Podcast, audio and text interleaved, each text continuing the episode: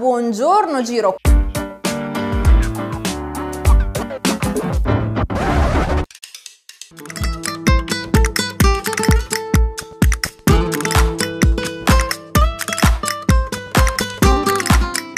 Ik ben José de Kouwer en je luistert naar de Velofilie podcast.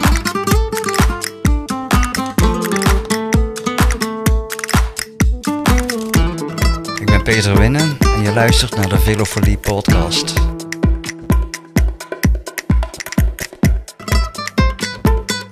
Todos, bienvenidos a la vuelta.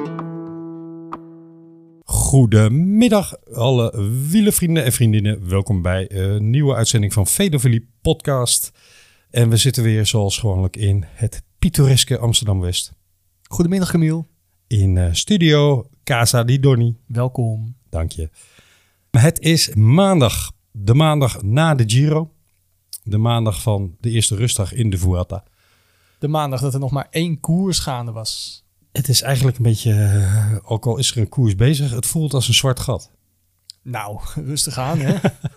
We hebben nog een hele Vuelta. Nou ja, Ja, maar had jij, bijna niet, had jij niet gisteren na de, de beslissende tijdrit in Milaan van de Giro een soort van, ja, ontwenningsgevoel? Een soort van, dat het uiteindelijk toch een beetje eh, net niet die euforie was die je had gehoopt en gewild en gewenst. Nou ja, dat sowieso. Omdat eh, die TT van zondag minder spannend was dan gehoopt.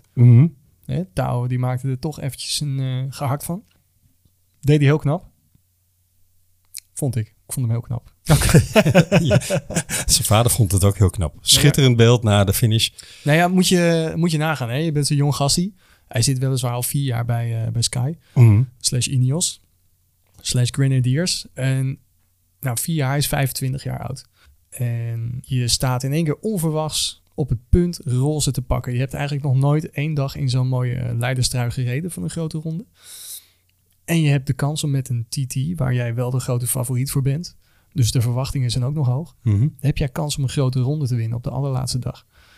En hij gaat me toch een potje hard van start. En hij ging zo scherp door die bochten. Ik dacht van holy shit. Ja, dus Die dat- gaat zo eh, meteen of eh, door een bocht gaat hij uitglijden. Of hij gaat een stoeprandje meepakken. Want hij, hij zat zo scherp, zat hij te sturen. mhm. Dat vond ik echt heel knap. Dat je, dat je die, Maar hij die, moest men- ook toch? die mentale rust hebt. En, nou ja, en, en, en beheersing. En ver- als je dat vergelijkt, want dat viel mij ook op met, eh, met Jay Hindley. Die ging, ehm, ja, ogenschijnlijk wat nonchalanter van start. Dus dat, hij ging ten eerste wat minder furieus dat startpodium af. Die eerste bocht al door. Zou die bij voorbaat al eh, hebben opgegeven? Volgens mij was de score voorafgaand eh 10 TT's die ze allebei gereden hadden. En acht daarvan had eh King Hart gewonnen. Ja, maar de eerste van de Giro, die was nog voor Hindley in het voordeel. Ja, maar iedereen weet waarom natuurlijk. Ja, oké. ja. En Tao de- was toen nog geen kopman. Nee, en bovendien die wind hè, die meespeelde, die de totale uitslag eh, behoorlijk beïnvloed heeft. Ehm, de tweede tijdrit in de Giro was duidelijk in het voordeel van eh King Hart. Ik denk inderdaad dat het in zijn hoofd wel meegespeeld heeft. Hij zal ongetwijfeld alles gegeven hebben. Maar er is zoiets als ehm, de self-fulfilling prophecy. En ik denk dat hij dat wel eh, van tevoren een soort van berusting had in dit gaat hem niet worden. Ik vond in ieder geval de gedrevenheid van eh King Hart ten opzichte van Hindley vond ik wel opvallend inderdaad.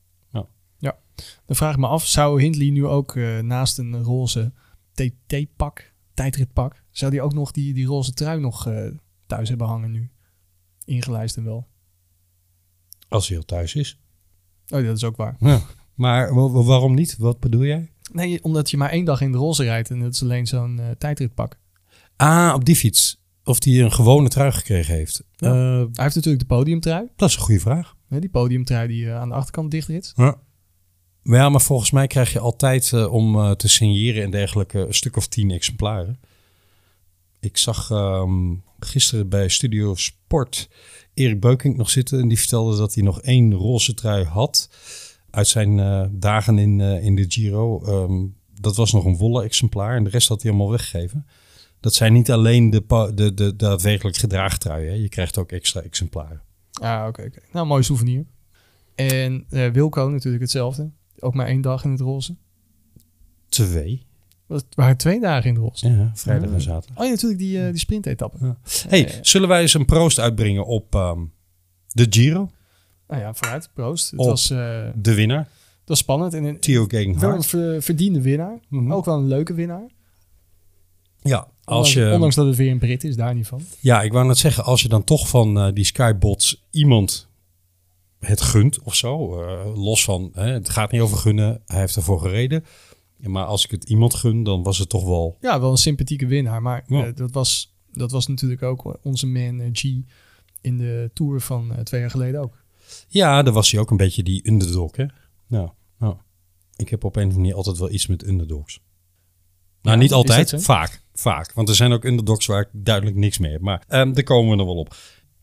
Sky wint hem. Ineos wint hem. En dat doen ze eigenlijk in de meest succesvolle ronde ooit voor ze. Zeven etappe-overwinningen. En eh, Ja, het bijzondere is dat. Hè? Dan valt je grootste kopman weg. ja, Dan heb je een vrije rol en dan kun je aanvallen wat je wil. En dan win je heel veel etappes. Maar toevallig ook nog even die ronde. En wij moeten ze misschien maar wat minder jinxen in het vervolg. Want wij hebben gezegd, ehm althans ik heb gezegd... joh, die Rowan Dennis, dat is toch wel een beetje geweest nu, hè? en Nou ja. alsof hij het gehoord heeft, de dag daarna... geeft die gast een potje gas, zo moet ik het zeggen. Ik durf hier te poneren dat Theo Keegan-Hart de eh, Giro gewonnen heeft. Omdat... Omdat Rowan Dennis voor hem heeft gereden. Exact. Oké, nou ja. Ja. ja. Kan ik je niet eh, weerhouden. Die stelling. Ik, nou maakt het natuurlijk niks uit hoe je hem wint. In die zin, als je ploeggenoot jou op sleeptouw neemt, ja prima. Dat is Ja. ook verdienste. ik denk dat eh, Rohan ook wel sympathie had voor, voor Theo. Ik denk dat hij eh, blij was dat hij zich kon manifesteren op een bepaald vlak voor de ploeg. Ja, dat hij echt kon laten zien van jongens, jullie hebben echt nog wat, wat aan mij. Ja. Hij had ook nog wel wat goed te maken na die eerste tijdrit. En hij wordt een beetje overschaduwd door Ganna natuurlijk. Zowel letterlijk Een als beetje? figuurlijk. dat is een eufemisme, hè? Ja, nee, maar hij staat zelf te boek als misschien wel de beste tijdrijder van de wereld. Maar hij wordt zo met de grond gelijk gemaakt door die Ganna. Ja, maar niet alleen hij. Hè. Kijk, ik snap dat het voor hem extra pijnlijk is, want hij is de ex-wereldkampioen. Hij is Mr. TT. Maar het hele peloton wordt gewoon gekleineerd. We kunnen het eigenlijk wel gewoon zo zeggen. Nou ja, gekleineerd, ja. Het is gewoon iemand die ontzettend hard kan tijdrijden. En is Ja. daar super goed in. Eh, wel vet dat hij ook gewoon echt een eh, mooie etappe ook wint. In de aanval en eh, met, met Bergis erin. Dus ja, het is... Ik wil niet zeggen dat hij het hele peloton degradeert. Wel op TT-vlak. Ja, dat bedoel ik. Ah, Oké. Ja. Nou ja.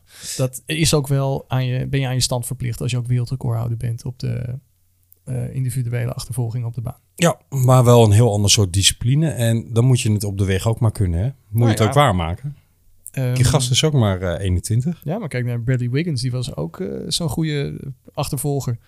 Gouden medailles op de Olympische Spelen. En ja, die, die won ook de, de tijdrit bij... Nou ja, ik wil niet zeggen bij tijd en wijnen. Wel regelmatig won hij gewoon de tijdrit. Laten we eens even naar volgend jaar vooruit blikken. Want even los van dat het een, een lastig puzzeltje wordt richting ehm, de agenda van Tom Dumoulin in 2021. Omdat we wederom met dat dilemma zitten. Tour Olympische Spelen. Hè? Dit jaar zat hij daar ook mee. Ja, Volgend jaar zal hij daar weer mee zitten. Wat doe je? Rij je de Tour uit, dan heb je wederom ultrakort richting Tokio. ja maar je bent wel fit. Je bent zeker fit. Dat hebben we dit jaar weer gezien. Iedereen die goed was, of tenminste die de Tour heeft gereden... was in één keer ook goed in de klassiekers en in de Giro. Wat tevens zo is, eh, is dat Ganna heel duidelijk heeft gezegd... "Nee, ik ga die TT niet rijden op de Olympische Spelen. Ik ga op de baan rijden. Ik Heeft hij baan- dat gezegd? Ja, dat heeft hij echt Aha. heel duidelijk gezegd. Na Dat de- opent licht. Ja, ja, ja. ja. ja. Het was toen zijn ehm, de eerste Giro-tijdrit toen hij die had gewonnen. Toen werd dat hem aan hem gevraagd. Toen zei hij heel duidelijk: Haha, nee joh, ben je gek? Ik ga de baan rijden. Zou hij ehm, na zijn successen in deze Giro niet denken... Hm, wellicht moeten we dat nog eens heroverwegen? Ja, maar waarom zou hij dan voor de, voor de weg kiezen? Heel misschien dat hij het kan combineren. Maar hij was zo eh, stellig dat ik denk dat het misschien niet te combineren valt. Ja. En op de baan kan hij voor twee gouden medailles gaan. Laten we het zo zeggen. Als hij wel, hè, eh, stel dat het theoretisch kan... Als hij wel de weg tijdrit zou doen... Ja, dan mogen we toch wel enigszins vrezen voor eh, gouden ambities van Tom. Ja, het lijkt me wel duidelijk. Als hij Als hij op de weg die TT gaat rijden, dan weten we ook wie hem gaat winnen, lijkt mij toch? Hmm. Dan is het eh, wel duidelijk wie, eh, wie de wegrit in de huidige vorm zou winnen. Maar het is nog een jaar. En wie weet hebben we wel weer zo'n vreemd voorseizoen en zomer als dit jaar. Want Al dan niet door. Corona is nog niet zomaar weg natuurlijk. Ja, precies. Dus dat moeten we nog maar afwachten.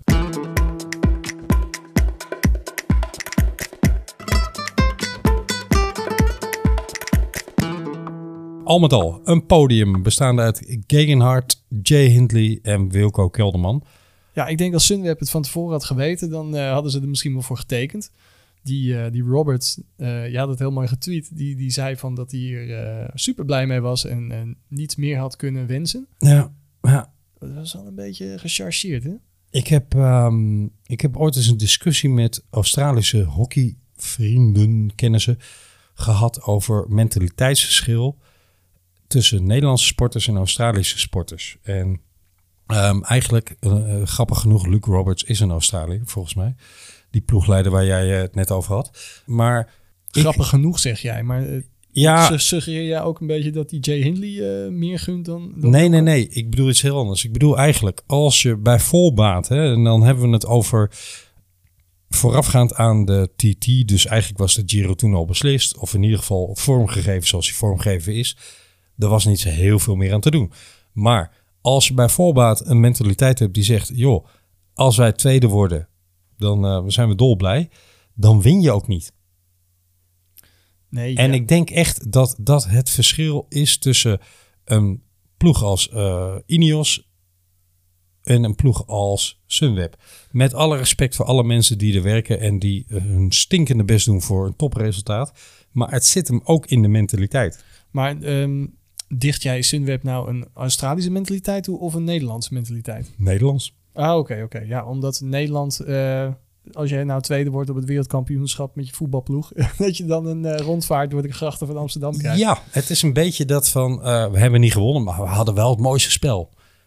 Wij zijn over het algemeen een beetje geneigd, misschien wel een beetje op zijn Frans. In, in Frankrijk ben je pas een held als je een ongelofelijke loser of underdog bent geweest. Als je alles wint in Frankrijk, heeft iedereen een hekel Nou ja, aan je. dus een hoop eh, helden in. Ze hebben zeker een hoop helden, ja. Maar wij hebben misschien wel een beetje diezelfde houding. Hè? Zo van tegen de klippen op winnen, hartstikke mooi. Kijk naar Dumoulin in 2017. Kwam vanuit een underdog positie. Kwam vanuit een achterstand die laatste TT in. Pakte hem briljant. Iedereen helemaal happy. Maar wat nou als wij... eh, nou, kijk naar hoe de reacties op, eh, op Jumbo-Visma in de Tour waren. Op het moment dat het dominantie is, begint iedereen meteen te zagen en eh, te jammeren over eh, wat saai en wat dit en wat dat en wat zus en wat zo. ja. En Ja. als, we, als we tweede en drie in, we hè, hoor mij nou, als Sunweb 2 en 3 kan worden in de Giro, dan zeggen ze, en ergens terecht hè, dan zeggen ze, geweldig gedaan, hadden we van tevoren voor getekend. Zeker, eens, als je kijkt dat een Yates meerijdt, een Thomas, een Kruiswijk enzovoorts, dan zou ik zeggen, Kelderman op het podium, prachtige prestatie. Is het sowieso. Maar als je de winst zo bijna voor het grijpen hebt gehad, dan moet je eigenlijk tegen jezelf zeggen, holy smoke jongens. ja, en dat het ook misschien wel aan de ploegleiding ligt dat ze het niet hebben gewonnen. Door beslissingen van die ploegleiding. De ploegleiding zegt zelf van, we hebben het hartstikke goed gedaan. Een beetje de welbekende wij van WC Eend, et cetera. Ja, ik vind ook wel dat je als eh, ploegleiding, zeker ehm, als renners is nog punt 2, maar ehm, dat je als ploegleiding niet naar buiten moet communiceren. Goh, we hebben daar een fout gemaakt. Dat moet je gewoon lekker intern evalueren en de volgende keer lering uittrekken. Hè, je moet wel één front blijven vormen. Maar tegelijkertijd is een interview geven waarin je zegt: We hebben niks verkeerd gedaan. We staan er fantastisch voor. Eh, en als we 2 en 3 worden, dan hebben we een fantastische Giro gereden. Dan denk ik, ja, daarmee zeg je eigenlijk dat je dus ehm, hoe dan ook een soort van ja, salvende houding, eh, een soort van, eh, hoe noem je dat ook alweer? Als je eh, je eigen fouten camoufleert met, met genoegdoening. Snap je wat ik bedoel? Ja, een beetje, ja, ja. Ik vind, la- la- laten we het er toch nog eens over hebben. We hebben donderdag natuurlijk uitgebreid over gesproken. Maar goed, we weten nu wat de uitkomst is van het een en ander wat er sinds de Stelvio-etappe gebeurd is. Op Sestriere zakt Wilco er doorheen. Keiharde constatering. Hij kon niet volgen. Eh, ook daarvan zegt de ploeg dan weer, ja, het heeft ons verrast dat hij er zo vroeg af moest. nu heb je het over zaterdag, hè? Zaterdag, ja. Maar eh, vooropgesteld, Wilco kon niet volgen bij eh, Dennis, bij Hindley en bij Keegan Hart. Dus uiteindelijk dat hij de Giro niet wint, zit hem in Sestriere. Maar er zit wel een voorgeschiedenis aan. We zeiden het donderdag in onze noodpodcast al, die man is zo ongelooflijk diep gegaan om dat verschil maar te beperken. Om maar die 2 minuut 18 bij de eindstreep te hebben in plaats van 2 minuut 42, wat was het? Wat hij toen als voorsprong had op, eh op Hart. Dat, dat heeft gemaakt dat hij zo diep in zijn reserves heeft getast... dat je eigenlijk van tevoren al wel bijna kon aan gaan voelen van... nou, is maar de vraag of je er nog aan blijft hangen. Nou ja, hij heeft nog een aardige TT uitgeperst. Een paar seconden gewonnen op, eh, op Theo. Vier, zoiets. Ja, Ja. niet veel. Nee. Maar ja, het is natuurlijk ook ehm, eh, de butterfly effect. Stel, Hindley was wel bij hem gebleven. Mhm. Dan was eh, Theo wat minder hard, eh, of wat zeg ik, misschien wel veel harder omhoog gereden. Zeker eh, op zaterdag toen hij zelf een beetje nerveus was voor de, voor de sprint uiteindelijk. En daardoor niet volle bak omhoog reed met Hindley in zijn wiel. Ehm, want hij wilde heel graag die, die etappe ook weer winnen. Ja, en tegelijkertijd, we hebben het donderdag al gezegd, maar ik heb het nog eens een beetje research naar gedaan. En ik kwam uiteindelijk uit bij de Tour de France 1986, het legendarische duel tussen Craig en Bernard Hinault, om te bedenken waar een ploeg een vooraf aangewezen kopman gewoon keihard liet vallen voor het koersverloop. Ik kan het eigenlijk niet anders omschrijven dan dat. Sunweb zal het anders benoemen. Die zullen zeggen, we hebben niks laten vallen. Dit was een scenario wat we van tevoren hebben besproken. En eh, ja, we wilden gewoon eh, niet alles op alles zetten. Op één paard wedden. Maar ik denk bij mezelf, al had je hem verloren... Je zegt niet voor niets dat je een, kopman hebt. Daar moet je toch ook volop steun aan geven. Ik vind het echt een bijna ongehoorde ontwikkeling van het scenario... dat een kopman zwemt in zijn eentje omdat de ploeg zegt, ja, we willen niet alle paarden op jou zetten. Kijk, Wilco is natuurlijk ook niet een kopman van het ehm, kaliber Nibali, die zo overduidelijk de enige echte kopman is van zijn ploeg. En Wilco is wel duidelijk de, de enige echte kopman van tevoren, maar het is niet de gedroomde kopman die je eigenlijk hebt. Hè? Niet de, de grote echte leider die, het, eh, die zegt, Geen winnaar bedoel die je? op zijn borst klopt en zegt: Ik ga dit doen. Ik ga dit, eh, dit varkentje wassen. Nou ja, geen winnaar, dat wil ik ook weer niet zeggen. Maar... En hij, hij zakte ook wel duidelijk door het ijs. Hij, hij moest echt lossen. Ja, zaterdag. Alleen het, het probleem is, en waarom we nu zo allemaal aan het speculeren zijn en eh, met vingertjes aan het wijzen naar, naar die ploegleiding. Het was al heel close allemaal. Dus het, het kwartje kan nog steeds alle kanten opvallen als je het scenario anders gaat invullen. Weet je wat ik eh, heb zitten bedenken, Don? Als het goed is, monitoren die ploegen allemaal hoe een renners ervoor staan. Hè? Ze kijken naar lactaatwaardes, kijken naar hematocriet, enzovoorts, enzovoorts. Ze kijken gewoon naar, takelt iemand af of is iemand nog in Ja, staat goed te herstellen. Vooral power output en eh, hartslag zijn. Exact, dat soort dingen. Misschien heeft Sunweb wel na Piancavallo al gezien... hey, de waardes van Wilco zijn aan het zakken. En dusdanig aan het zakken dat ze op dat moment hebben besloten... en intern hebben overlegd... jongens, we moeten hier een beetje aan gespreide kansen gaan denken. Daar zouden ze Wilco ook wel hebben, over hebben ingelicht, eh, denk je niet? Ja, dat denk ik wel. Alhoewel hij natuurlijk wel aangaf in, in verschillende interviews... dat hij eh, op de vraag voel je je genoeg gesteund... gaf hij wel heel duidelijk zijn twijfel weer over of dat wel zo was. Ja, precies. Dat wou ik zeggen. Anders, ik denk als hij die waarden zelf ook had geweten. En het was besproken dat hij dat ook wel in de pers naar buiten had, had gebracht. Na afloop, dan ga je toch niet tijdens een koers doen, hè? Nee, nee, dat bedoel ik. Nee, Eh. Na afloop inderdaad. Ja, Ja, ja. Nou, we zullen het nooit weten. Het, het, het is in ieder geval vanuit optiek van Wilco een hele jammer ontknoping. Ja, maar wel is het niet zijn eerste podiumplek in de grote... Zeker, want dat wilde ik eraan gaan toevoegen. Tegelijkertijd dik, dik, dik, dik vet applaus voor hoe hij gereden heeft. Hij heeft gedurfd aan te vallen als een van de weinigen. Hij heeft eh, de koers mede gekleurd door het spannend te maken. Sunweb heeft wat dat betreft ook zeker een, een uitstekende Giro gereden. Ook applaus voor die ploeg. Want ze hebben de koers hard gemaakt op momenten dat het nodig was en moest. Dat uiteindelijk Ineos het winnende paard is in deze eh, paardenrace. Ja, nou ja, het zij zo. Fair square verslagen. En Ja. Rowan Dennis was daarin de de factor. Heb je trouwens nog gezien dat eh, Martijn Tusveld best wel eh, lekkere TT's heeft gereden? Ook op die laatste dag nog. Zeker, twaalfde. Eén Ja. plekje achter Wilco. is netjes, hè? Ja, en als ik het goed zeg, 26e in de eindtijdslag. Beetje Met- af, man. Met al dat werk wat hij gedaan heeft. Ja, ja. Absoluut. Ik heb hem eh, ook een berichtje gestuurd van eh, geweldige reden. En eh, applaus voor, ondanks het bittere einde van, voor jullie als ploeg van eh, de Giro. Ja, applaus voor hoe jij individueel gereden hebt en hoe jullie als ploeg gereden hebben. Ja. Want, zo is het ook wel weer. We kunnen heel makkelijk aan de zijlijn roepen. Hey, hey, kan allemaal beter, moet allemaal beter. Je moet het maar doen op die fiets, hè. Zo is het ook wel weer. Zeker weten, ja. Deze podcast wordt mede mogelijk gemaakt door jou. Ja, door jou. Tenminste, als je naar www.vriendvandeshow.nl slash velofilie gaat. Want daar kan je onze afleveringen beluisteren, artikelen lezen en, door een donatie te doen, vriend van de show worden. Super dank. Wat misschien een bruggetje is. Eh, nee, laten we nog heel even kort. Want ik wilde van de regenjasjes uit de Giro naar de regenjasje naar de Vuelta springen. Maar dat doen we dan zo al. Laten we heel kort nog even nadenken over wie hebben er goed gereden, wie hebben er slecht gereden.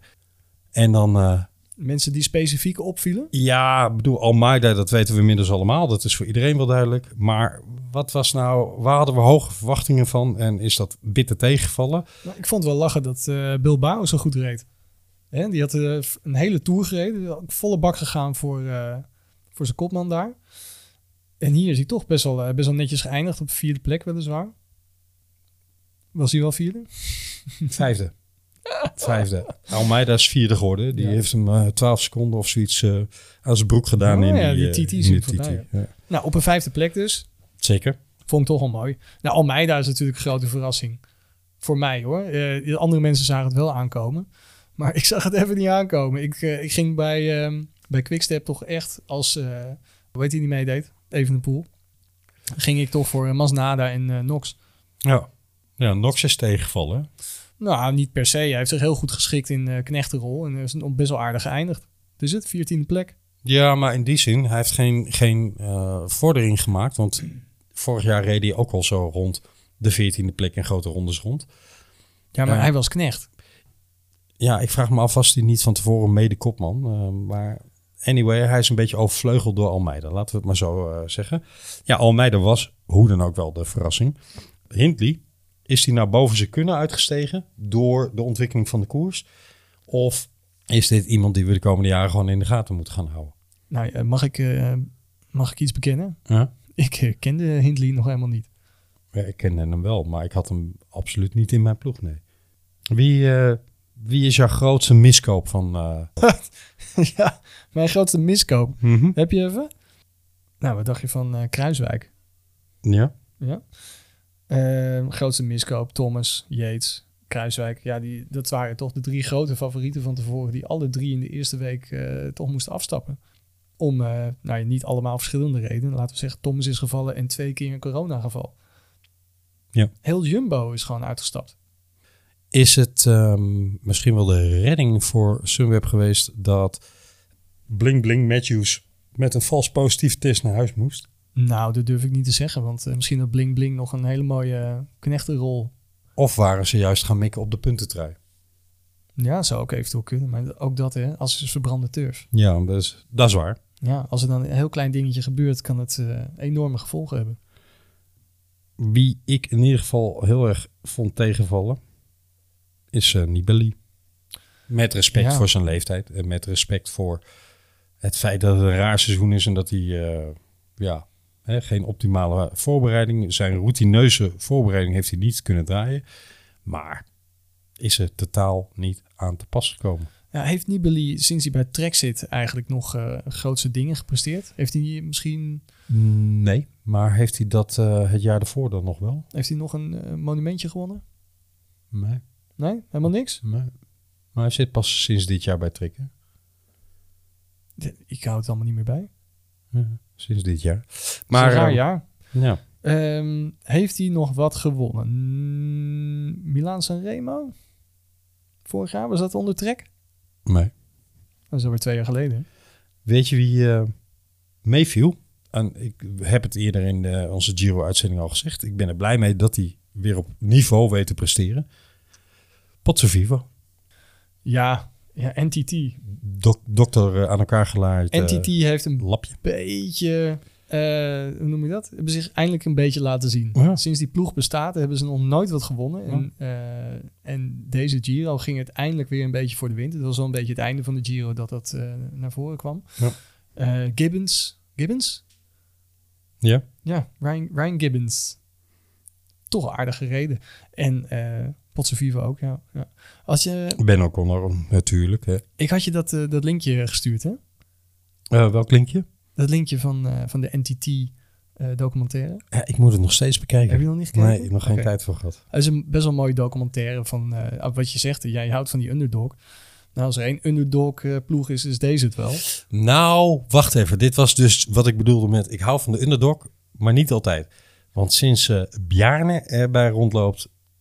ben ik er wel een beetje klaar mee, hoor. Nou ja, die, die docu die gaat dus vanaf het moment dat ze begonnen Hm. als eh, MTN eh Quebeca. Ja. En toen, was het een leuke ploeg. Ja, ja, toen wonnen ze dus ook Milaan Sanremo met eh, die Chiolek. Ja. Ja, ja. En eh mooi, mooi verhaal. En ja, dat ze tegen, tegen wil en dank toch eh, presteren. Dat is, eh, maar goed, die, je moet die docu maar kijken. Dat is wel leuk. Het schijnt, het rommelt aan alle kanten. Hè. Ehm, Ries heeft zich als het ware ingekocht bij die ploeg. Maar schijnt nog niks eh, aan centjes overgedragen te hebben. Dus het, Is eh, het echt waar? Ja, en, en eh, natuurlijk zijn ze op zoek naar een andere sponsor. Dat speelt ook heel erg mee. Ze Maar hebben, waarom zou die zich hebben ingekocht? Ja, omdat Bjarne Ries toch vindt dat hij nog steeds een rol moet hebben in het peloton. En waarom zou Entity zeggen, is goed, je mag hier. Maar wat je- dacht, wat dacht je van centen? Ik weet niet, heeft Entity dat nodig? Ja, absoluut. Absoluut. Die, eh, die ploeg is nog steeds de vraag of die volgend jaar wel bestaat. Ik weet niet, ze zien er wel best wel, eh, noem je dat, welvarend uit. Gesoigneerd. Ja. Ja, de mooie fietsen, mooie de grote bus, Mhm. eh, alles. eh, ze moeten over de hele wereld moeten ze de koers moeten ze hebben, want ze zitten zelf in Zuid-Afrika. ja, maar ze hebben volgens mij ook hun renners al vrijgegeven om te onderhandelen met andere ploegen enzovoorts. Werkelijk, Dus oké. het, het rammelt en het rommelt al Ja, daar. dat heb je als je niks wint. Hè? Flop or top? Peter Sagan. Eh, ja, Ik had hem niet in mijn pool. een Kun je beetje, nagaan? beetje een flop, maar hij heeft En, nog... en ik win alsnog ons Giropoeltje. Dus Ja, kan heb, ook heb zonder Peter gedaan. Ik had hem ook en ik eh, sta bijna in het rechte rijtje. Dus eh, dat zegt wat dat betreft helemaal niks. Ja. Maar ehm Sagan had natuurlijk veel meer eh, ervan verwacht. En wij hadden veel meer van Sagan verwacht. Maar hij wint nog één mooie etappe. Hè? Dus Weet je, ja, je, kan, je kan niet zomaar zeggen van het is een hele grote flop. Dat kun je niet zeggen. Nee, oké, maar dat is even om aan te duiden waar we het over hebben. Ehm, waar ik altijd een beetje jeuk van krijg en recalcitrant van word, is van mensen die dan, nadat je ze maanden, misschien wel een heel jaar niet over Sagan hebt gehoord, dan ineens hemelhoog juichend roepen, oh Sagan, Sagan, oh wat doet hij dit toch weer prachtige schitteren. Tuurlijk, het was een prachtige etappe. Maar die, die verstopte fans, die allemaal in een doosje zaten, die kwamen er Hoezo, ineens in. hoezo, ver- hoezo verstopte fans? Nou, volgens mij was alles en iedereen in de hele wielenwereld toch wel redelijk van mening Sagan, wat hij allemaal aan het doen is. Maar het is wel een beetje over zijn hoogtepunt heen. Ik wil niet zeggen dat ik eh, echt iemand, eh, een, een prominent uit de wielenwereld ben. Maar ik hem altijd, eh, ben hem altijd blijven steunen. Had ik het woord prominent in, in de mond Ik weet niet, maar ik heb, ben hem altijd blijven steunen. Ik heb altijd een vette renner gevonden. daarom heeft hij gewonnen. Ja, natuurlijk. Drie keer achter elkaar wereldkampioen, man. En wat hij allemaal wel niet heeft laten zien op de, op de fiets qua, eh, ja, qua trucjes en, eh en koersinzichten. Ja, ook leuk. Toch? Nee, Ik, ja, ik, ik hou ervan. En hij heeft gewoon een kuttijd gehad met zijn eh, inmiddels ex-vrouw. Ja, maar hij, dat verhaal hebben we natuurlijk vaak besproken. Sorry dat je erin onderbreek. Hè? Maar dat getinde van hem, waardoor wij dachten dat eh, da- daardoor is zijn motivatie. Hij heeft ook een, klein, een kleintje. Oh, sorry, Grinder? Rustig. Oh. Hij, voor de Jonko zeker. nee, hij heeft ook een kleintje. Dus ja, die zal hij ook af en toe van wakker hebben gelegen. Tuurlijk. Maar op het moment dat je gewoon publiekelijk in de media roept... Weer boring cycling. dan, dan doe je in ieder geval bij mij niet echt heel erg aan overtuiging... dat je er nog heel veel zin in hebt. Nou ja, het is een winnaar. Hij kan gewoon niet tegen ze verliezen. En als hij verliest, dan zegt hij dat soort dingen. En dat, dat vind ik prima, maakt mij verder niet uit.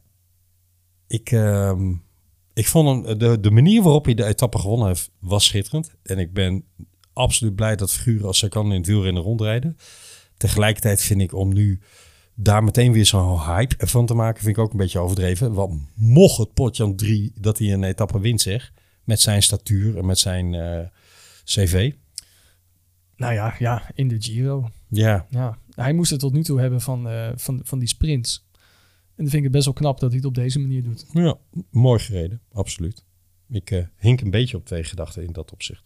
Winnaar, De Maar, absoluut. Ja, eh, heel verrassend voor mij.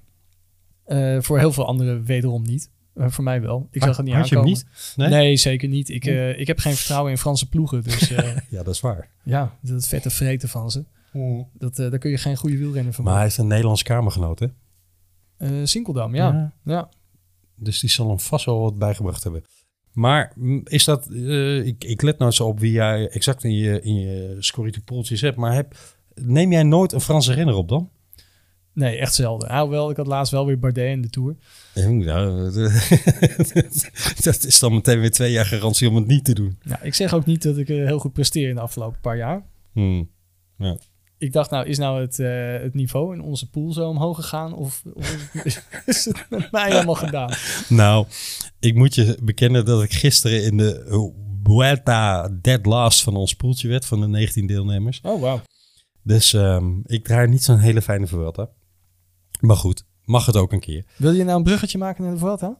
Zullen we maar doen? Ja, laat me doen. Dan Laten ga ik we even de Giro biertje- afsluiten. Ik, ik pak even een biertje. Oké dan.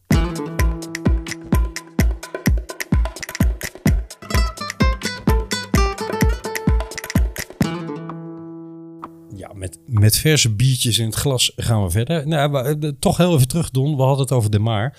Ehm, heeft natuurlijk fantastisch eh, eh, Giro gereden. Is hij de sprinter van het seizoen? Nou ja, van het seizoen. Bij gebrek aan Van het seizoen. Eh, aanwezigheid van twee andere mannen. Kun je de sprinter van het seizoen worden als je in de Giro eigenlijk alleen goed hebt gepresteerd? Ja, toch? Vind je? Ja. Was Caviria dat niet een jaar of twee geleden toen hij vier of vijf ritten in de Giro won? Ja, ben je dan de sprinter van het seizoen? Nou ja, in ieder geval is je seizoen geslaagd, laten we het zo zeggen. Nogmaals, ben je dan de sprinter van het seizoen als je drie weken van het hele seizoen aardig hebt gepresteerd? Voor de rest Nee, nee, ho, niks. ho, ho, ho, ho, ho. Nou, eh, pra- praat je uit gebrek aan kennis omdat jij Fransen blokkeert. De Maar heeft eh, een heel goed seizoen gereden en hij heeft veel meer gewonnen dan alleen in Giro. Oké, dat was mij niet opgevallen. Dat, En eh, andere mensen weer wel. Ja, ja, ja. ja. ja.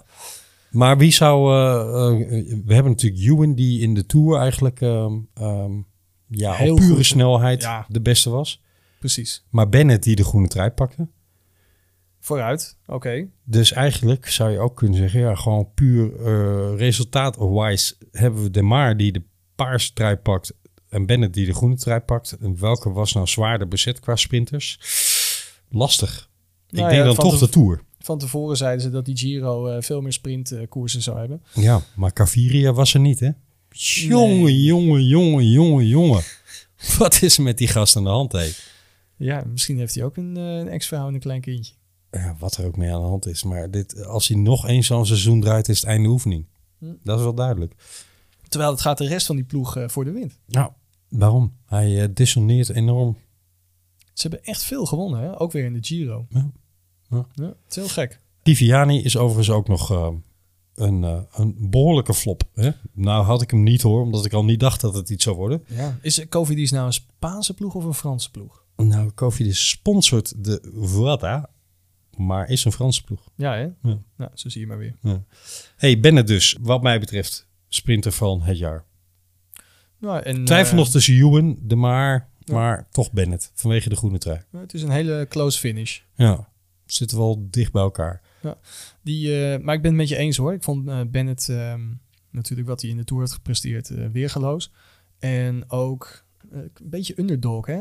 Ja. Omdat hij, eh, hij wordt afgeschreven bij Bora. Quickstep neemt hem op. Nou ja, oké. iedereen bij, die bij Quickstep gaat rijden gaat presteren hoor. Daar niet van. Maar Nou, wacht even hoor. Sorry dat ik je onderbreek. Afgeschreven bij Bora is iets te kort door de bocht. nou, weggestuurd. Ze- hebben daar nee. echt duidelijk gekozen voor Akkerman. Jawel.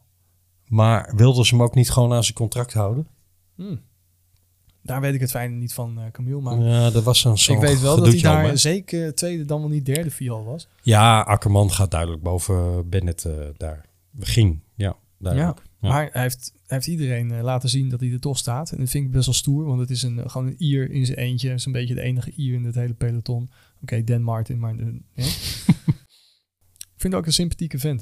Vind ik wel leuk. Ja? Ja. Het is ook een beetje een, ehm, een dingetje, hè? huilen aan de finish.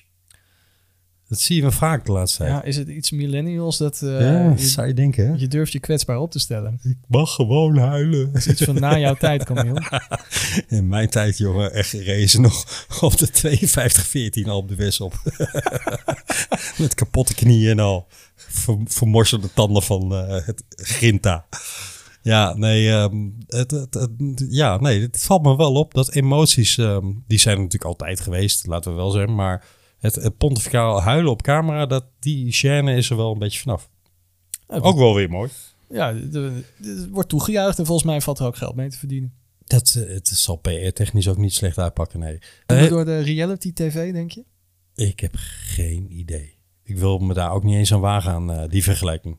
Oké, wat, Laten we die vooral niet doen. weet je nog of Van der Poel een traantje moest laten toen hij eh, Vlaanderen won? Wel aan die beelden die, die meteen na de finish werden gemaakt. Ja, hè? er zat wel een snik in zijn stem. ja, er zat heel duidelijk een snik in. Maar hij had nog wel die grote bril op, dus Ikke, ikke, ikke. Geweldig. maar wat mij, wat mij een beetje opvalt, is... We hebben het vaak in onze uitzending gehad over het, het mediabeleid van IF. En dat wij daar allebei niet zo'n geweldige voorstander van zijn. Vinden ze vaak humoristisch en goed bedacht. Hè? Eh, gewoon reclame of marketing technisch zijn het briljante filmpjes. Maar ja, eh, het is tegelijkertijd ook niet mijn smaak. Ik moet zeggen dat ik eraan begin te wennen hoor. Maar dat filmpje bijvoorbeeld vorig jaar na Lombardije, waarin ze zeiden dat eh Bauke Mollema eh, Woods geflikt had met nog een rondje, weet je Nee, wel. dat, was, dat was niet in Lombardije. of in, in China was ja, dat, hè? Ja. was een koers voor niks. ja, nou ja, dat- dat- dan denk ik weer, jongen, jongen, jongen, jongen, vergezocht. Het is publiciteit om de publiciteit. Maar in de Giro hadden we ook nog wel zo'n situatie. Dat was eh, de etappe eh, over de Stelvio, waarin Fausto Masnada, nou, het leek er in ieder geval sterk op dat hij publiekelijk voor de camera enigszins een misgenoegen over het moeten werken voor Almeida liet blijken. Ja, oh, dat was, En daar was wel was- een momentje. Ja, maar er was na afloop ook een uitbundige tweet van Almeida. waarin hij Masnada omhelst en zei: I'm grateful for the whole team and all the work they've done for me. En this and that. En eh, hartjes erbij. En, Is dat sarcasme? nou, Portugees sarcasme? het, het, wat het in ieder geval was, was PR-beleid. En dan denk ik, jongens, zeg iets over wat er gebeurd is. Weet je wel? Zo van. eh, Not what you think, what you saw, or we didn't disagree, or whatever. Geef daar tekst en uitleg aan. Maar ga niet zo'n zo ultra zoet, sappig berichtje de wereld in slingeren van... Nou ja. Het is allemaal pijs en vree. Kijk, ons is broederliefde onderling. Nee, Ca- Camille, dat is ook een beetje het Zuid-Europees, hè? Kijk, wij zijn van die eh, nuchtere Hollanders. Zeg nou gewoon ik, waar ik het denk op dat staat. heel erg en geef me nog een was, plakje kaas. Hmm. Nee, Doe het nog eens. nee wij, zeggen, wij willen gewoon dat mensen zeggen waar het op staat. En in eh, het zuiden van Europa, dan, dan zeggen ze eigenlijk tegenovergestelde. Maar ze weten donders goed wat ze bedoelen. Om maar wat clichés de eter in te slingeren. Eh, Oké, vooruit. Verder doe je niet aan etnisch profileren. Hè? maar anyway. Hey, bruggetje naar de Vuelta. Geen idee wat eh, etnisch profileren voor bruggetje is. Maar we gaan wel naar de Vuelta.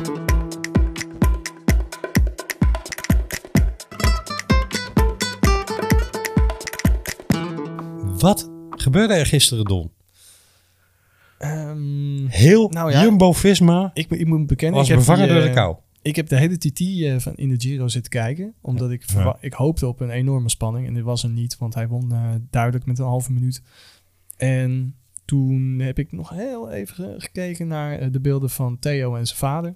Mhm. Het feestvieren en het feestgedruis. En toen hij de, de trofee omhoog tilde, toen ben ik overgeswitcht. Ja. En toen eh fietsten ze bergop in de Vuelta in de gietende regen. Het zag er ijskoud uit. En hier was het ook niet echt lekker weer toen ik het raam uitkeek. Nee. Dus dat had ik niet echt het vakantiegevoel bij. Eh, wat me heel erg opviel was dat eh Roglic geen regenjekje aan had, maar gewoon nog in zijn, in zijn rode truitje aan het fietsen was met een paar half opgerolde armwarmers. Die, ja, in een hele lelijke kleur. bij, de, bij dat rood en die rare, een beetje of-gele, misschien was het gewoon viezigheid van de weg. Eh, of-gele, of bedoel ik zo, eh, gewoon vies-gele, beetje Ja. viezige, viezige armwarmers. Ja. En ik dacht, zo, dat ziet er koud uit. Ja. En achteraf las ik dat ze, eh, bij heel Jumbo, Visma, dat, dat ze die regenjackjes niet aankregen. Ja, wat een gedoe joh. Ja, dat is geen reclame voor die kledingleverancier. Ik weet niet welke regenjekjes ze gebruiken, want dat is wel een beetje het ding in het peloton. Iedereen rijdt met diezelfde regenjekjes rond, Ja, ik, ik zou niet weten. eh, die Gaba's.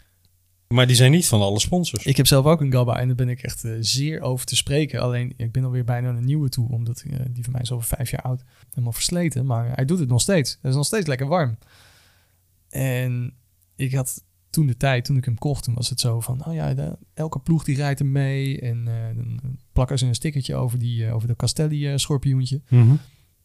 Maar dat zou je nu wel denken dat al die kledingmerken wel een goed regenjekkie hebben. Dat die eventjes heel goed naar die Gabba hebben gekeken. Allemaal Gore-Tex spul en wat het dan ook is. Nee, het is geen Gore-Tex. Want iets vergelijkbaars. Er zit een, ehm, want het is een goede gedachtegang, eh, en toch is het niet zo.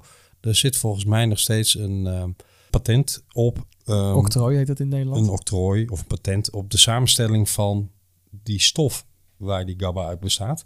En dat kunnen ze niet zomaar namaken. Maar bovendien schijnt er een dingetje te zijn. Ik weet niet meer in welke podcast ik het hoorde, maar volgens mij vertelde een ex-prof dat. Je kunt ze ook niet zomaar bedrukken. Dat houdt niet. Die belettering en zo. Dat blijft niet plakken. Ja, dat zag je wel in die broekjes van Assos eh, afgelopen jaren. Wat een rommel was dat. Maar dus, ehm, dus rijden heel veel mannen in, in anonieme zwarte jekjes rond. Waarvan je weet dat het dan een Gabba is. Ja. Maar ja, eh, gedoe met regenjasjes in de Giro, in de Vuelta. Ja, de. Giro was het Sunweb die ze niet aankreeg. Maar ja, ja nou goed. Het is gewoon geen reclame. Waar rijdt eh, Sunweb mee, weet je dat? eh Extiondo, toch? Nee, dat was- dat was, was, dat was, dat is waar, maar we, gaan, we gaan het uitzoeken. Maar waarom je die rits niet aankrijgt... Je hebt nog wel eens van die, ehm, die, die, echt die regenbodies. Ik heb er zelf ook zo een. En er zit dan zo'n eh, lapje stof achter de rits. Ja. En elke keer als je die rits omhoog wilt trekken, dan, Dan komt dat lapje stof ertussen. Ja, ja, ja. Ja, en dat lapje stof moet ervoor zorgen dat er geen wind door je rits heen komt. Exact. Maar daar moet toch ook iets op te verzinnen zijn? Ja, dat werd in de, in de Giro ook al gevraagd. Hè? Waarom kunnen die dingen niet met klittenband gemaakt worden? Die zijn er ook. Of magneetjes? Of magneetjes. Ja. Ehm, ik heb er zelf nu wel een techniek zelf ontwikkeld... waarmee ik eh, dat lapje stof eh, niet tussen de rits krijg. Dat is gewoon, maar dan moet je gewoon heel veel oefenen. Dus ik neem aan, die jongens die, die trainen heel veel... die zullen toch ook wel oefenen met die regenjekjes aandoen... met een hartslag van 180 in een, eh, Tuurlijk. met een zijwind. Maar net zoals je 105. penalty niet kunt oefenen omdat een vol stadion in je nek kijkend, juichend, eh, de adem inhoudend, toch heel anders ervaart dan wanneer jij op je boerenakkertje een penalty probeert Zouden ze dan ook denken van... hey, de hele wereld kijkt hoe ik dit regenjekje Nee, aandoe? maar als jij eh, de Stelvio oprijdt met eh, de stijgingspercentages die daar zijn en de snelheden die je nodig hebt om daar aan te haken, Ja, en een fiets die niet rechtdoor wil fietsen als je je handen niet aan het sturen hebt. toch een enigszins ander verhaal na 200 eh, Hmm. kilometer koers. Dus ja, nee, het- het zijn gewoon omstandigheden die je niet kan nabootsen. Heb Simpel. toen eh, gezien hoe eh, die, die Ineos-mannen die, die jekjes aankregen? Ja, daar moeten ze Hebben nog wel even goed naar kijken. Hebben die elkaar toen geholpen? Dat weet ik niet meer. Zoveel emoties verder inmiddels al. Nee, Hmm. sta me niet meer voor de geest. Maar goed, in de Vuelta dus... Jumbo kreeg ja, de jasjes niet dicht. Waardoor iedereen zonder regenjasje moest rijden. Ja, wat er schijnbaar gebeurde is dat het peloton brak op het moment dat ongeveer heel Jumbo naar achteren zat met Roglic, omdat ze een jasje aan het halen Maar waren. ja, brak, er werd aangevallen. ja, Door Astana volgens mij. En, maar uiteraard. Ineos. Nee, nee, door Movistar. oh ja, Movistar en Ineos. Ja. ja. Want laat het maar Movistar over om nog een openstaand rekeningetje te willen vereffenen. en er staan er nog wel een paar met Jumbo. Die hebben nog een hele pofbak eh, hebben ze liggen met allemaal kaarten van met allemaal Jumbo-namen erop. Er gaan, eh, er gaan deze Vuelta zeker nog wel een paar rekeningen vereffend worden wat dat betreft. Eh, althans, pogingen daartoe. Maar goed, het peloton brak en blijkbaar heeft het de hele Jumbo-ploeg zoveel energie gekost om eh Roglic enigszins terug te brengen naar de voorste gelederen. Ja, dat het op was. Bennett weet de schade enigszins te beperken. Kus valt helemaal weg. Die verliest 10 minuten volgens mij hè, gisteren in de velden. Ja, ik geloof het ook. Maar natuurlijk, eh, die, die jongen die niet voor het eh, algemeen klassement. Dus toen hij eenmaal parkeerde, denk ik dat hij eh, lekker de tijd heeft genomen. Misschien heeft hij nog wel eventjes rustig Nou, een, niet voor het algemeen klassement, zeg jij? Met het grootste gemak van de wereld. Ik denk dat hij wel degelijk als schaduwkopman rondreed inmiddels hoor. Ja, Sta je in de niet, 10 doet- van het klassement, dan moet je je daar ook naar gedragen. ik hè? weet niet of eh, Jumbo eh, daaraan doet. Ja, dat is punt 2. Officieel wel hè. Nou ja, we zagen het al in de, in de Tour dat toen Dumoulin eh één minuutje verloor, dacht hij van oké, laat maar, ik, ik ga in de bus zitten. In de gruppetto bedoel ik dan, hè?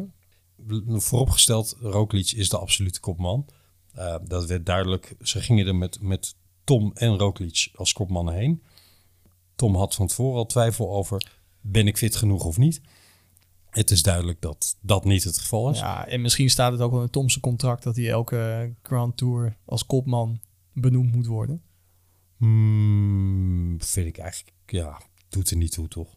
Al staat het erin. Dat zou bij zijn statuur passen. Ja. Ja, oké, maar hij was Vind ik niks dit seizoen gewoon duidelijk nog niet op het niveau eh, dat hij had. Nee, wat ik, wat ik wel raar vond was dat hij zelf zei: Ik twijfel over afstappen. Terwijl ik denk, je moet wel ongelooflijk slecht zijn, wil je afstappen. Want het is een bekend verschijnsel als je de Vuelta in je benen hebt, dat je een veel beter winterseizoen qua training kunt doen dan wanneer je die Vuelta niet gereden hebt. Ja, maar Tom is altijd eh, heel openhartig, hè? Ja. pers. Maar dan moet hij soms net even iets minder zijn. Oké, zeg jij tegen hem? Nee, zeg ik niet. Want ik hoop hem ooit eh, te mogen interviewen waarin hij heel openhartig is. Het, ja, je, tuurlijk snap ik je ontgoocheling. En tegelijkertijd, ik denk dat hij genoeg zelfkennis heeft om te weten dat dit seizoen nog niet kon worden wat, wat iedereen van buiten er misschien van verwacht. Hè, je bent er niet voor niets bijna een jaar uit geweest.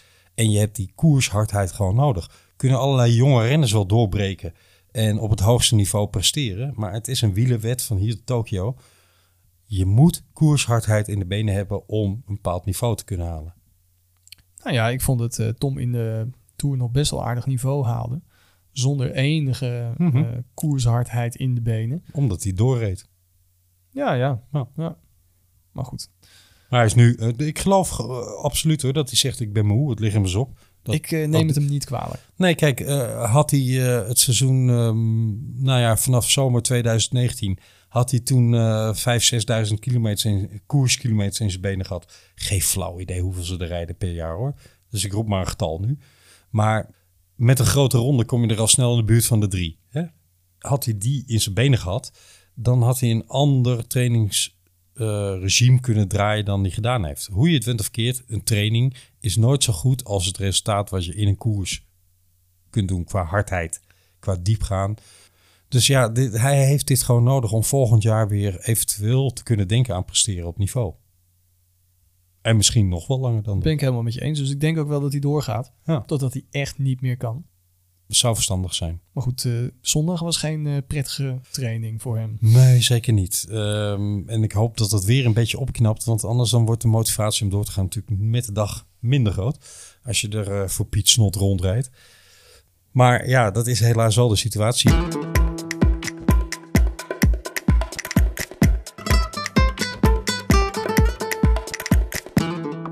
Wie nog niet voor Piet Snot rondrijdt, is Primoz Roglic. Die heeft wel 30 seconden verloren. Althans staat er nu 30 achter in het klassement. Paniek in de tent of... Nee, ben je gek. Ik denk dat, eh, dat ze hartstikke blij zijn dat ze eindelijk eventjes van een eh, soort underdog positie, om nou eventjes die term erin te gooien, kunnen, kunnen acteren. En nou, er komt nog een dikke vette tijdrit aan. Er komen nog heel veel bergen aan. Carapaz is een hele sterke man op dit moment. Maar hoe lang die dat volhoudt?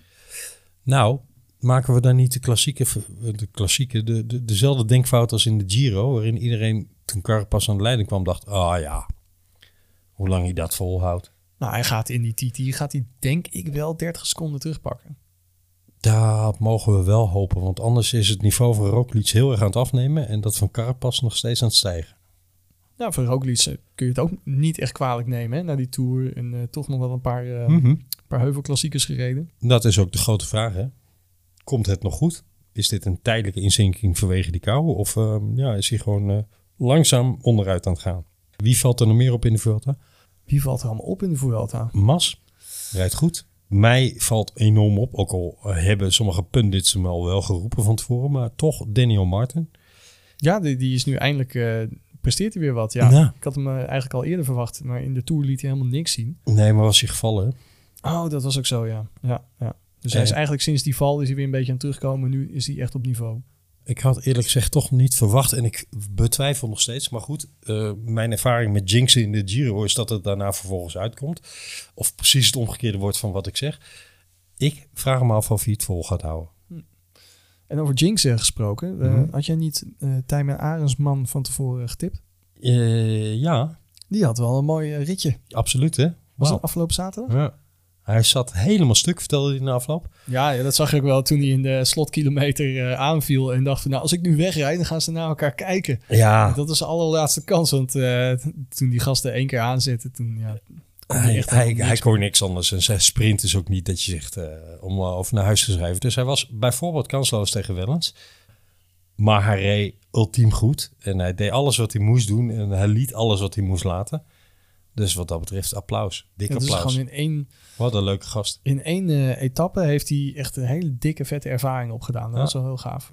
En reken maar, voor hem als, als prof, neoprof, goede stap dat hij zijn grote ronde onder zijn belt heeft straks. Want ook voor hem geldt, deze kilometers gaan hem zoveel helpen in eh, verbeteren verder. Wel grappig, terwijl ehm, de echte kenners, die, eh, die hadden toch die, gingen toch voor die Belg, Van Wilder. Ja, Ilan Wil- Weil. Ilan, toch? Van Wilder. ja, oh, van Waalde. Ja, Ilan van Wilde. Ja, ja, precies. Ja, was snel, snel klaar. Ja, waarom is hij nou afgestapt, weet jij het? Ik heb geen flauw idee. Dat is echt na, tien minuten na het begin van die koers. Ja, ik denk dat eh, dat een, eh, een soort van uh, boeteclausule-achtige situatie is. eh, van start je met een man minder dan eh, Oh, zoiets. Ik heb geen idee. Ja, maar ja, ja. ik denk dat het een kwestie was van bij aankomst al duidelijk dat hij niet goed was of ziek was of wat dan ook. misschien heeft hij zich eh, verstapt toen hij eh, uit bed stapte of zo. Ik heb geen flauw idee. Maar die, die verwachtingen zullen we niet ingelost zien worden dit jaar. Tim Wellens was weer terug. Deed een eh, Tim Wellensje. Ja, ja. Tim Wellens. Ah, toch ook wel weer leuk hoor, vind ik. Ja. Sympathiek. Ik zag een mooi tweetje van Thomas de Gent die zei... eh, eh, ik gun hem deze overwinning ongeveer net zo hard als ik mezelf een overwinning gun. Leuk. Ja, maar dat zijn super goede maten. Ja, daarom. Ja, dat is mooi om te zien.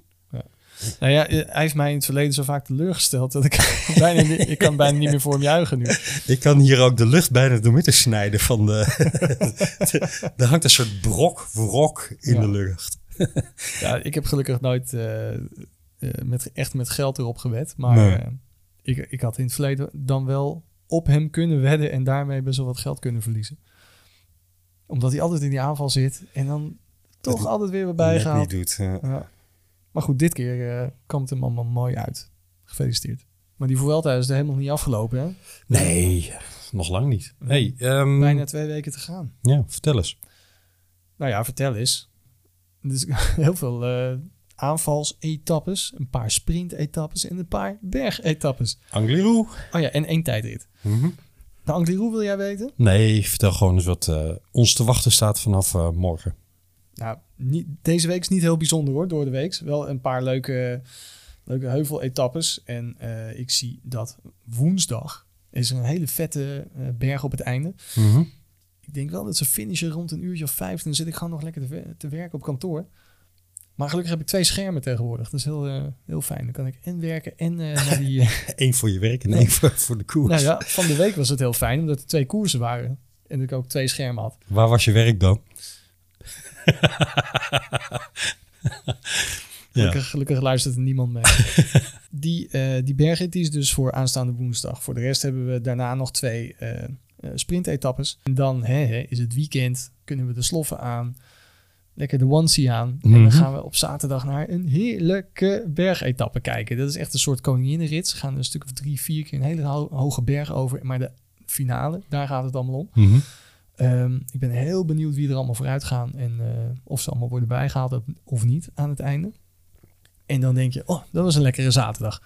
En dan komt de zondag. De zondag. en die eindigt op de fameuze Angliru. Ah, daar is hij. Het berg, eh, nou ja, wat is het? Bergpadje? Het geitenpadje. Hoe stijl was die ook alweer?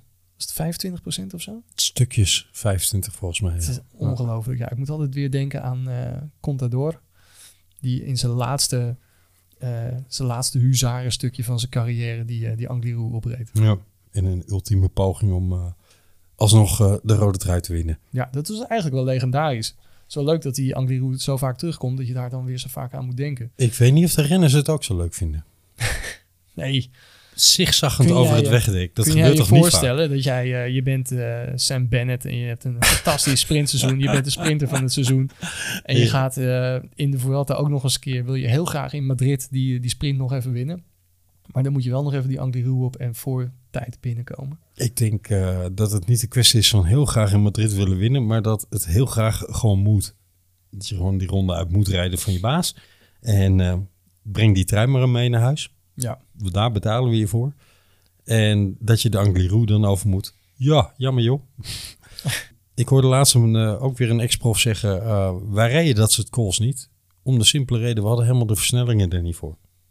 Dat is wel iets van ja dat is logisch. de laatste tien jaar. Hè? Die ontwikkeling naar eh percentages van dik boven de 20 eh, in sommige Ja. etappes. Ja, ja. Ja, En aan de andere kant, ze grijpen ook wel weer af en toe terug op die onverharde paadjes. Wat weer vroeger heel vaak voorkwam.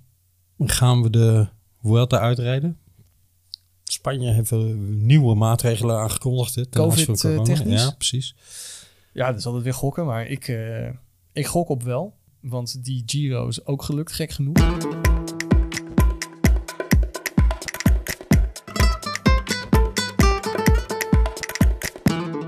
hey, het is een raar, raar wielerseizoen, Don. Er, er zijn uitslagen die je niet verwacht. En er zijn mannen die we wel verwachten die compleet niet in beeld zijn. Iedereen, ja, Ja, maar rijdt dat, anders dan dat anders. had je dus kunnen verwachten, omdat het zo'n raar seizoen is. Ja. Ik bedoel, heel veel mensen hebben geen voorbereiding gehad. Of juist eh, weer een hele goede voorbereiding. Dat je op je balkonnetje in Monaco eh 18 uur aan een stuk op de, op de takstrainer hebt gezeten. De, de Mont, Mont Blanc, of eh, wat is het? De, de, Het Everest. de Everest Challenge. ja, nee, het is een raar wielerseizoen. Maar vooropgesteld, de Vuelta is nog volop bezig. En daar gaan nog hele mooie etappes komen.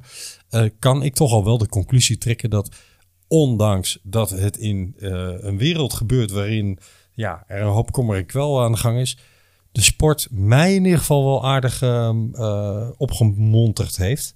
En vooral het wielrennen dan, want jongens, wat hebben we mooie koersen gezien al. Ja, mooi hè. Sommige mensen hadden het erover dat deze, de, deze Giro misschien wel de mooiste Bizar. grote, grote ronde was van eh, de afgelopen 25 jaar. Bizar.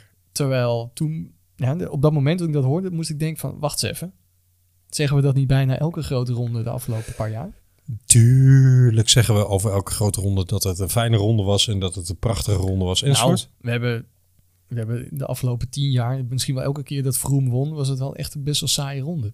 Ja, nee, maar ik bedoel, er zitten altijd etappes tussen eh, waarin mensen heroïsche dingen doen. En, en ehm, je bent wielerfan of je bent het niet. Er is altijd wel iets te genieten. Ja, maar die ontknopingen. Maar van dit het, jaar eh, zijn ze van erin het algemeen- gevlogen vanaf, vanaf koersdag 1 na de lockdown, zeg maar.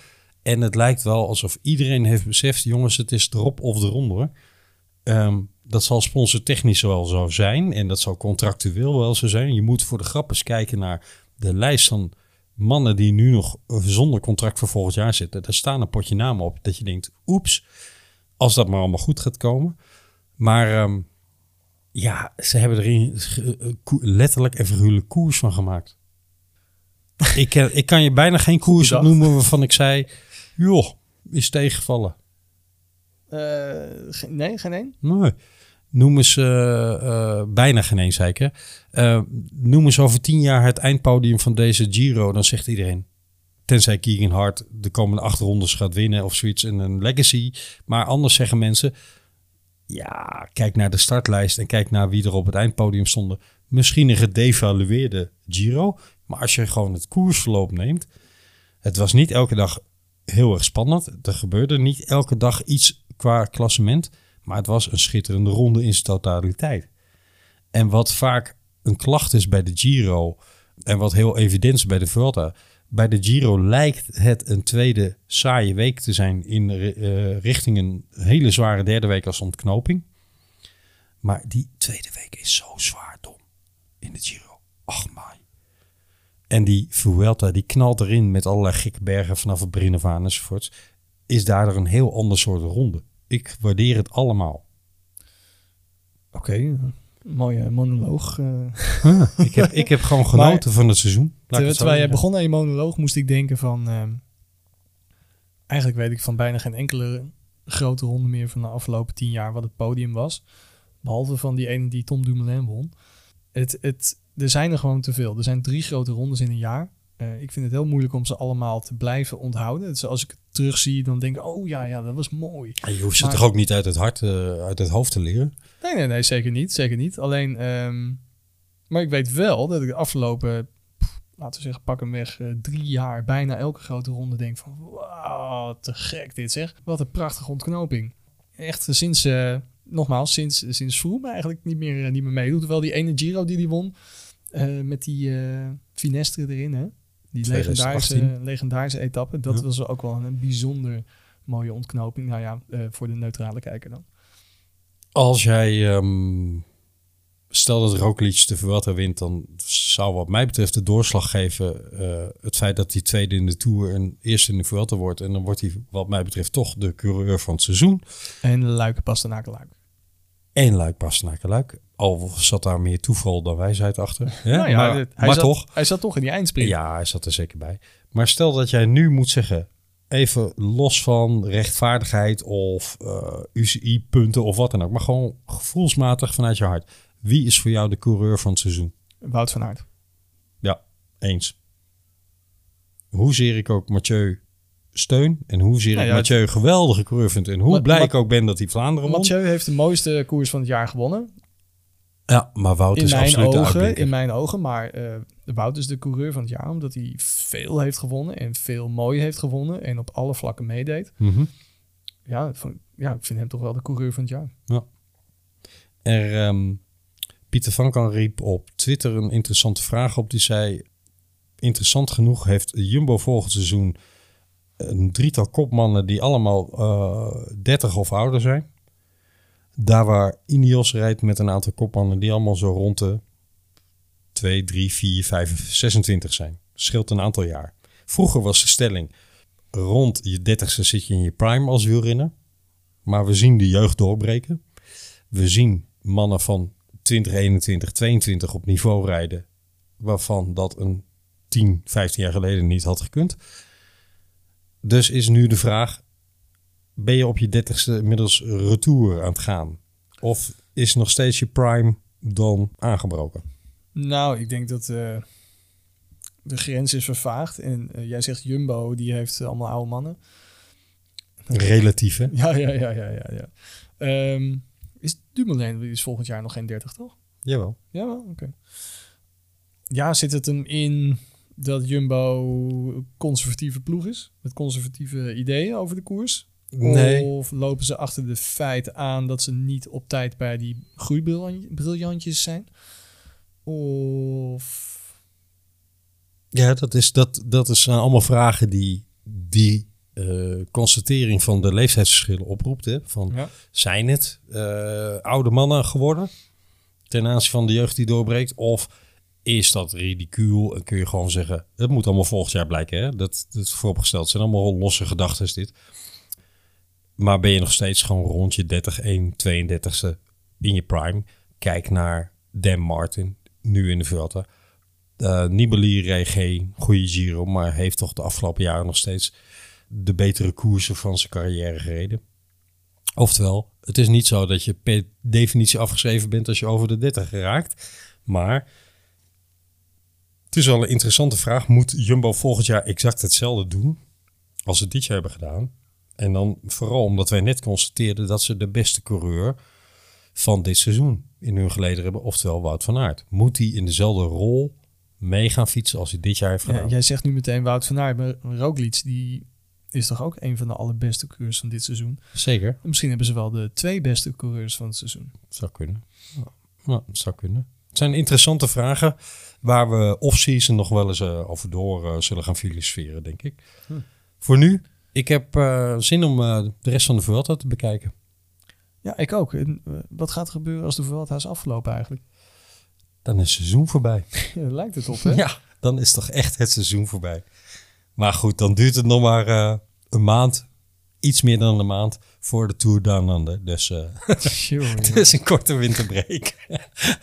en dan, Ja. eh, dan kan gewoon weer op Willunga heel gewonnen worden door degene die er altijd moet winnen.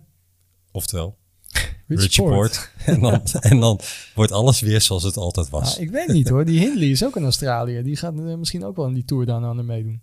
Dit zou zomaar kunnen, ja. ja. Hij heeft ook een Australische ploegleider inmiddels. Dus eh, Don, het was mij een genoegen.